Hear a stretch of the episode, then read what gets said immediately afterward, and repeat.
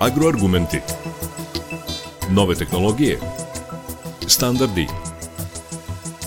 Agroekonomija. Ruralni razvoj. Projekti. Investicije. Preduzetništvo. Biljna proizvodnja. Stočarstvo. Agroargumenti. Uređuje Đorđe Simović.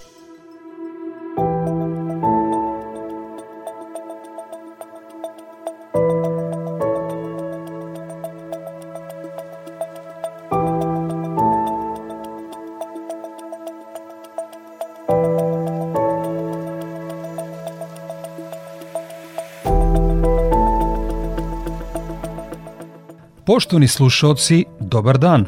U današnjem savremenom agrarnom sektoru, gde su izazovi sve veći, uloga stručnjaka u poljoprivredi postaje ključna za uspeh kompanija i gazdinstava. Diplomirani inženjer poljoprivrede sa svojim teorijskim znanjem i praktičnim iskustvom ima ključnu ulogu u vođenju proizvodnje. On stiče temeljno teorijsko znanje tokom studija, Razumevanje agroekosistema, genetike biljaka, fiziologije biljaka, fitopatologije, agrohemije i drugih ključne su komponente njegovog obrazovanja. To teorijsko znanje omogućava mu da razvije strategije za povećanje prinosa, poboljša kvalitet proizvoda i efikasnije upravlja resursima. Osim teorijskog znanja, praktičan rad je od suštinske važnosti – Diplomirani inženjer poljoprivrede treba da primeni svoje teorijske veštine u stvarnom svetu. Praktično iskustvo omogućava mu da se susretne sa stvarnim izazovima poljoprivredne proizvodnje, razvije rešenja i prelagođava se promenjivim uslovima. Taj aspekt obuke čini ga sposobnim da se nosi sa različitim izazovima u sektoru. A sada ćemo na praktičnom primeru jednog od najboljih agronoma u Srbiji, Predraga Klepića, koji je direktor biljne proizvodnje u kompaniji Aldahra, saznati kako se postaje dobar u tom poslu. Klepić je imao tu sreću da mu je od malena poljoprivreda bila deo svakodnevice – Tokom odrastanja bio sam vezan za poljoprivredu, neki poslovi su mi bili u redu, neke poslove nikad nisam volao i dan danas ih ne volim zbog nekih osjećaja, na primer sadnja i vađenje krompira koje se na, u bašti radi ručno, a kad osetim praktično zvuk suve prašine od lanovima, mene je nekad prolazila jezan. Nije mi taj zvuk odgovarao kao nekim drugima neke druge stvari. Krunjenje kukuruza i sad da, da ne nabrajam svi ti poslovi koji su bili vezani za, za, za odrastanje na selu, neki poslovi su bili ok, a neki mi nisu prijeli kao i većina ovaj, klinaca tog doba, svi smo volili više da idemo na sport, da lutamo, da vozimo bicikli, igramo futbal, nego da se bavimo poljoprivredom. Ali jednostavno, kad odrastaš na, na selu, u porodici koja nema dovoljno sredstava za lagodan život, moraš da radiš. U Srbiji je standard značajno porastao u posljednjih 30-40 godina, odnosno kad smo mi bili deca. E, nekada je bilo potpuno normalno da deca u osnovnoj školi ili početkom srednje škole rade. Ja sam, mislim, već u šestom, sedmom razredu krenuo da radim na njivi kao sezonac čupajući metlice. Danas toga, koliko vidim, uglavnom nema ili je vrlo redko. S jedne strane, deca nisu zainteresovana za poljoprivredu, s druge strane, roditelji se prilično zaštitnički odnose prema deci, pa od njih prave nesposobne kreature, zato što se ponašaju u varijanti nemoj ti to čerko, nemoj ti to sine, mama će, tata će i mislim da ovaj, na taj način deci prave medveđu uslugu. Deca koja nemaju nikakve radne navike, koja ceo dan provode pred ekranom igrajući video igrice ili gledajući nešto na TV-u, će verovatno odrasti u nesposobne odrasle jedinke.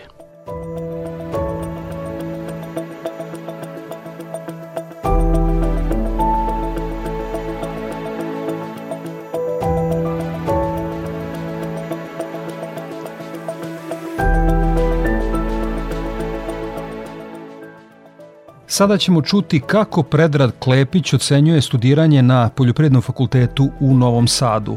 Govori o tome šta je bilo dobro, a šta bi valjalo unaprediti i kada je reč o teoriji, ali i o praksi. Ja sam 72. godište, međutim bio sam u školi malo ranije, sa 71. tako da sam bio posljednja generacija 9. i 10. popularnog uh, Stipe Šuvar sistema u Vojvodini i nakon prve dve godine da kažemo nekog zajedničkog obrazovanja tipa dve godine gimnazije sam upisao poljoprivrednu školu i posle završetka te dve godine srednje poljoprivredne škole u Somboru opštih smera otišao u vojsku, nakon toga počeo da studiram već upisani poljoprivredni fakultet u Novom Sadu na ratarstvu i povrtarstvu. Ne znajući baš najbolje šta to mene čeka tokom studija. Kao i većina mojih kolega, prvi godinu, dve dana studiranja je uglavnom vezana za neke opšte smerove, hemije, biologije, botanike nekih uopštenih, uopštenih predmeta i tek nakon e, dve godine na trećoj i četvrtoj počinju da kažem usko stručni predmeti agrohemija sa đubrenjem, opšte ratarstvo, posebno ratarstvo, povrtarstvo, semenarstvo i da kažemo neki stručni, stručni predmeti koji će biti kasnije primenjivani u praksi. Pa na prve dve godine smo dobijali većinu teoretskog, teoretskog znanja koja smo već dobijali tokom osnovne i srednje škole, tako da smatram da je po meni to malo, malo više nego, nego što je potrebno, pa se ne bih nešto osvrtao, osvrtao na tih prvih par, prve dve godine, a nakon toga kreću, kreću uh, usko stručni predmeti koji su stvarno dali većini studenta, da kažemo svima koji su se posle bavili ozbiljnu teoretsku osnovu za, za, za bavljanje poljoprivredom. Meni najdražiji profesori sa kojima sam i dan danas e, u kontaktu su profesor povrtarstva Žarko Ilin i profesor seminarstva e, Jan Boćanski. Nisam toliko više u kontaktu sa profesorom Brankom Marinkovićem, ali on isto jedan od od ljudi koji mi je pomagao i, i, i kao i o dvojica spomenuti koji su mi pomagali tokom profesionalne karijere savetima i još uh, nekim razgovorima i upućivanjima u kom smeru treba da rešavam probleme. Tokom studiranja mi smo bili vezani praktično za institut, Novosadski institut za ratarstvo i povrtarstvo i tamo smo obavljali najveći deo prakse. Ono što je specifično da se institut bavi uh, praktično oplemenjivanjem i proizvodnjom novih sorti, a manje standardnom proizvodnjom, pa se nekako više vremena posvećivalo posvećivalo uh, tom delu tom delu prakse, a manje upoznavanjem sa standardnom proizvodnjom u nekim standardnim kompanijama ili tadašnjim poljoprivrednim preduzećima. Odlazili smo u PIK Beča i PK Beograd još neke firme, ali to su bili jednodnevni izleti i upoznavanjem uh, onako, na, na grubo čim se svaka od tih poljoprivrednih firmi bavi. Po meni nedovoljno da bi se ovaj, budući poljoprivredni inženjeri ozbiljnije upoznali sa, sa sistemima proizvodnje i sa nekim ozbiljnijim znanjima potrebnim za, za praktičan rad. Koliko ja znam, ništa se ozbiljno nije promenilo U Evropi su odavno uvedeni sistemi dualnog obrazovanja, da tamo neki a budući automehaničar, budući auto limar, mašin bravar u nekim nemačkim školama um, obučava jedan ili dva dana nedeljno u pravoj automehaničarskoj radionici. Koliko ja znam, u našim srednjim poljoprivrednim školama je to vrlo redko i više informativnog karaktera. Mislim da je ista situacija i sa poljoprivrednim fakultetima. Da se odlazi redko i uglavnom su to da kažemo obrazovne ekskurzije u trajanju od nekoliko sati. Agroargumenti Stara poslovica kaže da bi napravio 10.000 koraka, moraš napraviti prvi. Nakon završetka fakulteta Klepić je prve profesionalne korake napravio u graničaru u Gakovu. Posao sam dobio 12 dana nakon diplomiranja. Znači ja sam diplomirao 12. maja 99. za vreme bombardovanja. Taj dan su bombardovali bivšu zgradu televizije Novi Sad, tu noć. A prvi radni dan mi je bio 24. maja. Znači imao sam dovoljno vremena samo da pripremim dokumenta, radnu knjižicu i šta je sve već bilo potrebno tih administrativnih stvari. Prva zaduženja kao mladom agronomu su, su mi bila, da kažem, neka uobičajena početna, početna zaduženja uz, uz ozbiljne mentore. Ja sam imao na sreću dva mentora u toj, u toj firmi. Stari mentor je bio pokojni Ljubomir Mijatović, koji je bio onako institucija u toj, u toj firmi sa ogromnim iskustvom i ogromnim znanjem. A drugi mentor mi je bio stariji kolega Željko Erceg, sa kojim sam i dan danas prijatelj.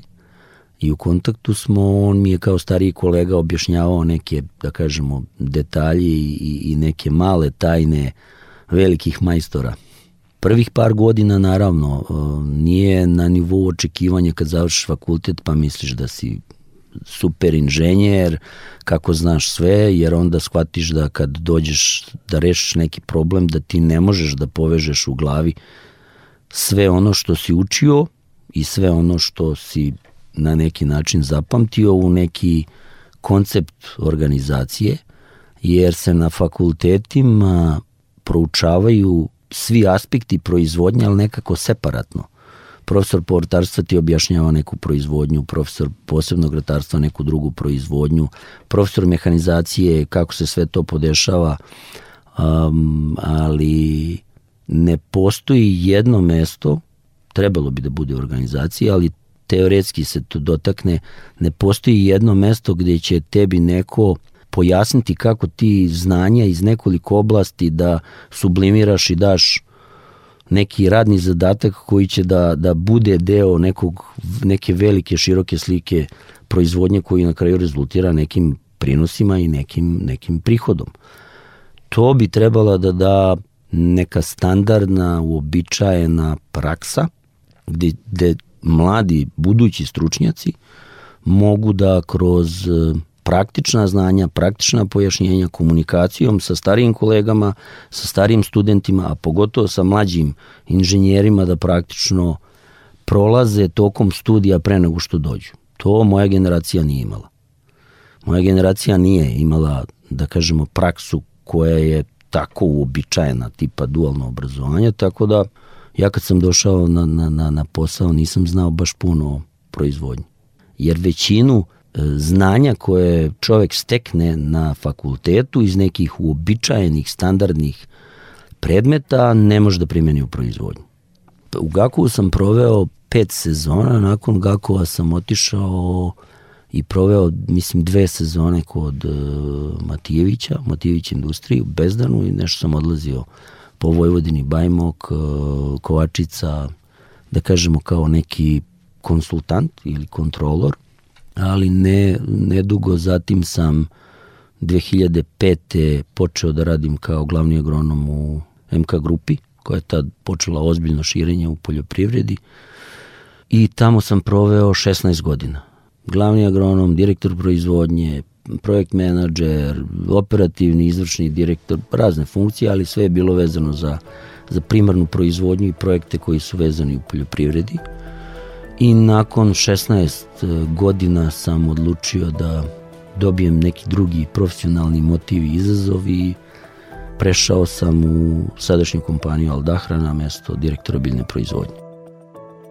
O kompaniji Al Dahra u javnosti se nedovoljno zna, delom i zbog poslovne politike da se pojavljuju u medijima koji se pridržavaju novinarskih standarda. Čast nam je da su prepoznali agroargumente kao takvu emisiju – Predrag Lepić nas upoznaje sa tim o kakvoj je kompaniji u globalnim razmerama reč. Al Dahra je ozbiljna velika kompanija sa sedištem u Abu Dhabiju. E, poseduju proizvodnju i kooperativnu proizvodnju na nekoliko lokacija – U samim Emiratima posjeduju farmu goveda, proizvodnju mleka, e, u Rumuniji poljoprivredna kompanija pored Brajle sa 56.000 hektara e, i tri dehidratora za lucerku, ogromnim silosom. U Srbiji e, je kupljena imovina bivšeg poljoprivrednog kombinata Beograd. Mislim, 70 procenata tadašnje, tadašnje imovine zemljišta, silosi, e, govedarske farme, imamo jedan dehidrator, u Italiji imamo trgovačku firmu, u Španiji imamo pet dehidratora koji se snabnevaju od kooperanskih, e, da kažemo, proizvođača, u Sjedinjenim državama e, poljoprivredne firme i proizvodnju lucerke i nekih drugih travnih smeša u Kaliforniji i Arizoni, negde 15 hiljada hektara. E, Maroko, proizvodnja citrusa, mm, Egipat, ogromno imanje, 1000 km južno od Kaira, sa nekih 15-16 hiljada hektara pod navodnjavanjem u pustinji sa planom da se ta proizvodnja značajno poveća u, u, u narednom periodu. Strateški cilj je da se tamo napravi proizvodnja nekih cca 100.000 hektara u navodnjavanju. Um, Al Dahra je globalni, globalni, ozbiljan globalni igrač uh, kad je lucerka i dehidrirana lucerka i proizvodi lucerke u, u pitanju. Na nivou sveta mi plasiramo, kad se sve uzme, ceo, ceo, ceo sistem, negde više od 20 procenata lucerke uh, kao trgovačke, trgovačke robe, opet sam rekao Rumunija, Srbija, Španija i Sjedinjene države za sada. Uh, lucerka je sjajan proteinski izvor i u našim dehidratorima, to je pogonima se proizvodi s jedne strane dehidrirana balirana, balirana lucerka u nekoliko klasa i proizvodi se pelet gde je sastavni deo u najvećoj meri uh, lucerkino seno sa 12, 14, 16 ili 18 procenata proteina. U zavisnosti od sadržaja proteina se to prodaje kao stočna hrana diljem sveta. Sagovornik nam dalje objašnjava kako je postao deo tog velikog sistema. Pa moj dolazak u Aldahru je bio, da kažemo, na neki način standardan. Prvo se prolazi, m, prolaze neki testovi sa nekim stručnjacima iz kompanija ljudskih resursa, kako mi to popularno u srpskom jeziku kažemo headhunting kuće i nakon tih prvih, da kažemo, prolazaka, testiranja i razgovora sa headhunting kućama, imao sam razgovor sa direktorom firme i sa gospodinom Buzduganom iz Rumunije koji je na neki način bio glavni konsultant za poljoprivredu u ovom delu sveta. Nakon razgovora sa njima sam dobio priliku da počnem da radim u Aldahri na poziciji direktora biljne proizvodnje. Raditi u jednoj globalno velikoj kompaniji znači da vas očekuje svakodnevno učenje, usvajanje i primjena novih znanja. Dobijanje fakultetske diplome samo je dobra polazna tačka. Svaka godina je koliko slična prethodnoj u, u nekoj meri i različita. Um, svaka godina i svaki novi izazov mora da se gleda kao neka posebna celina. E sad, u svetlu svih ovih klimatskih promena, društveno-ekonomskih promena, tržišnih promena, mi isto moramo da menjamo poglede na naš posao, kao i svi, kao i svi drugi. E, nove mašine, nova mehanizacija i nove tehnologije nam omogućavaju da neke stvari danas odradimo jednostavnije nego, nego pre samo 5 godina ili pre 10 godina. Tako da e, svaki posao zahteva konstantno napredovanje i konstantno usavršavanje ako želite da preživite na tržištu i ako želite da se usavršavate. Naš posao nije ni po čemu drugačiji od drugih. Nove tehnologije, pogotovo iz IT tehnologije nam omogućavaju da vidimo nešto što pre 20 godina nije bilo moguće, a to su satelitski snimci, različiti NDVI i neki drugi, e, drugi indeksi koji nam omogućavaju da jednostavnijom analizom sagledamo problematiku naše proizvodnje.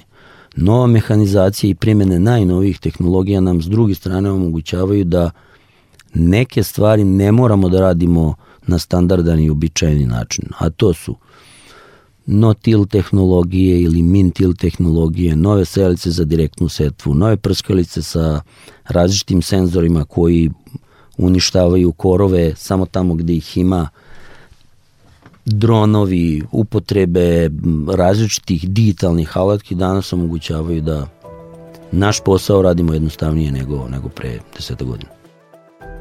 Primjena tih tehnologija doprinela je značajno većim prinosima, a što su površine veće, rastu i uštede.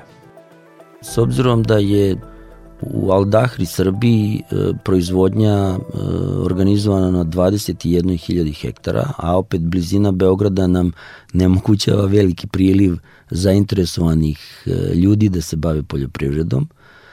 Mi primenjujemo najsavremenije minimalne sisteme obrade, direktne setve i još nekih sistema precizne poljoprivrede i precizne setve. Za razliku od većine proizvođača u Srbiji pokušavamo da radim, pokušavamo, primenjujemo više podrivače i da kažemo neke sisteme e, kultivacije zemljišta i obrade bez prevrtanja plastice uz zadržavanje žetvenih ostataka na samoj površini koje nam omogućavaju e, bolje mikrobiološke aktivnosti, bolje procese nitrifikacije – E, omogućavaju sunđerasti i obezbeđuju sunđerasti površinski sloj koji je mnogo povoljniji i mnogo, znači vodno-vazdušni režim je mnogo bolji, brže se zagreva zemljište i samim tim se brže ovaj, e, odrađuju operacije. Koristimo sejalice za direktnu ili da kažemo polu direktnu setvu nemačkog proizvođača, sad da ne, ne spominjem koji je proizvođač, koji nam praktično omogućava da smanjimo broj prohoda po jedinici površine, nekad se radi o sistem o, dubokog oranja, podrivanja, tanjiranje, jedno spremanje, drugo spremanje, ne znam nija sve kakve primene i pripreme, pa na kraju posle 4, 5, 6 prohoda se ulazi sa selicom, a mi danas radimo podrivanje, ili neko razrivanje sa nekim specializovanim mašinama i eventualno još jedan prohod nekom mašinom pre setve.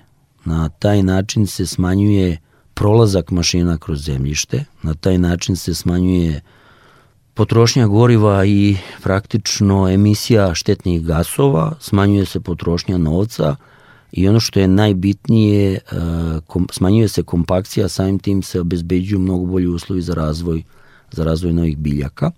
Kod precizne poljoprivrede smo ovu godinu završili na nivou 14.000 hektara skeniranog i precizno pođubrenog zemljišta. Koristimo specijalne skenere za merenje elektroprovodljivosti i na osnovu rezultata koje dobijamo prave se homogene zone za uzorkovanje, standardni uzorkivači sa geolociranom pozicijom svakog pojedinačnog uboda i nakon analize se prave praktično mape obezbeđenosti i ma, aplikacione mape za, za buduće, buduće kulture. Na ovaj način se štedi negde cca 20% mineralnog đubriva u, u ukupnim količinama i to se može izmeriti i to nije mali, mali trošak, to jest nije mala ušteda koja se baš izmeri, ali ono što je po meni još bitnije je da se na, na, na taj način preciznog đubrenja obezbeđuje optimalniji raspored hraniva po površini. Znači tamo gde je potrebno da se doda 0 kg, 0 kg kalijuma ili fosfora dodaje se 0. Tamo gde je potrebno 100 doda se 100, gde je potrebno 500 dodaje se 500 i na taj način dobijamo bolji balans hraniva na mikrolokacijama. Na ovaj način znači to je po meni još još veći benefit od same, od same uštede, jer se optimalnijim balansom hraniva u zemljište pomaže da biljka optimalnije i bolje ishrani samu sebe. Agroargumenti Smanjenje plodnosti u našim zemljištima problem je na koji ukazujemo godinama. Predrag Klepić objašnjava kako se u Aldahri trude da održe plodnost oranica – savremena mehanizacija omogućava danas ono što nije bilo moguće pre 20 godina je sad u, u trendovima s jedne strane gubitka realnih površina poljoprivrednog zemljišta mi generalno gubimo i plodnost. Mi smo u posljednjih od drugog svetskog rata, posljednjih 70-80 godina izgubili više od 2% uh, humusa koje je nekad, uh, nekad su zemljišta i da kažemo ovo Beograd, Mačva i taj deo um, taj deo ispod Beograda, imali smo više od 5% humusa, danas je to uglavnom ispod 3, redki su izuzeci. Um, mi pokušavamo da novom tehnologijom sprečimo dalje korišćenje i gubitak e, fertiliteta zemljišta, zadržavanje žetvenih ostataka na površini je 100%, nema odnošenja kilograma sa, sa zemljišta, mešanje sa, sa površinskim slojem zemljišta, znači uglavnom ne koristimo plugove, znači nego koristimo te podrevače i razrivače uz odgovarajuću mikrobiološku aktivnost, pokušavamo da, da zadržimo, a s druge strane e, koristimo e, zreo stanjak sa naših govedarskih farmi i ideja je da u narednih par godina zaustavimo dalje propadanje našeg zemljišta u kvalitativnom smislu i da krenemo u proces regeneracije kroz sve te oblike i zadržavanja žetvenih ostataka i korišćenja organskog e, stajskog đubriva i postupak regenerativne poljoprivrede, pokrovnih useva i još nekih, još nekih e, sistema za, za regeneraciju plodnosti naših zemljišta. Slušali ste svedočenje jednog od najboljih agronoma u Srbiji koji svoje znanje primenjuje u uspešnoj agrarnoj kompaniji. Pitanje koje se nameće jeste na kojim površinama ova tehnologija može da se primeni, pošto je situacija u selima Srbije daleko od idilične, što konstatuje i naš sagovornik Predrag Klepić. Depopulacija sela je prisutna odavno. 90. godine odlazim u vojsku u Skoplje, u tadašnju Jugoslovensku narodnu armiju i moje selo Gakovo je u tom periodu bilo popunjeno sa negde cca 3000 stanovnika. 33 godine kasnije, po informacijama koje su mi rekli drugari koji dan danas žive, moje selo ima ispod 1000 i po stanovnika. Urbano selo sa školom, ambulantom, domom kulture i svim onim neophodnim infrastrukturnim objektima se lagano, ali sigurno prazni, jer e, većina ljudi želi da oceli u Sombor, Novi Sad, Beograd, Niš, Kragujevac, sad već koje gde, zato što su uslovi u gradu daleko povoljniji i bolji. Situacija je posebno zabrinjavajuća u sredinama gde imamo puno naših Hrvata, Mađara koji su dobili pasoše Hrvatske ili Mađarske republike, koji bez problema mogu da rade bilo gde na teritoriji cele Evrope. Eklatantan primer je selo Medna, rodno selo mog oca Marinka, pokojnog, kod Mrkonjić grada, koje danas nema ni jednog jedinog stanovnika. To što se dešava u ruralnim krajevima Mrkonjića, Ključa, Banja Luke, verovatno Valjeva i ovih delova stare Srbije, čekaju Vojvodinu, a to je da ćemo mi polako ali sigurno depopulizovati sela na teritoriji Republike Srbije. Toliko u današnjim agroargumentima u kojima smo na konkretnom primeru pokazali kako se postaje dobar agronom, što je jedan od preduslova uspešne poljoprivredne proizvodnje. Ja sam Đorđe Simović i pozivam vas da ostanete uz Radio Novi Sad. Svako dobro.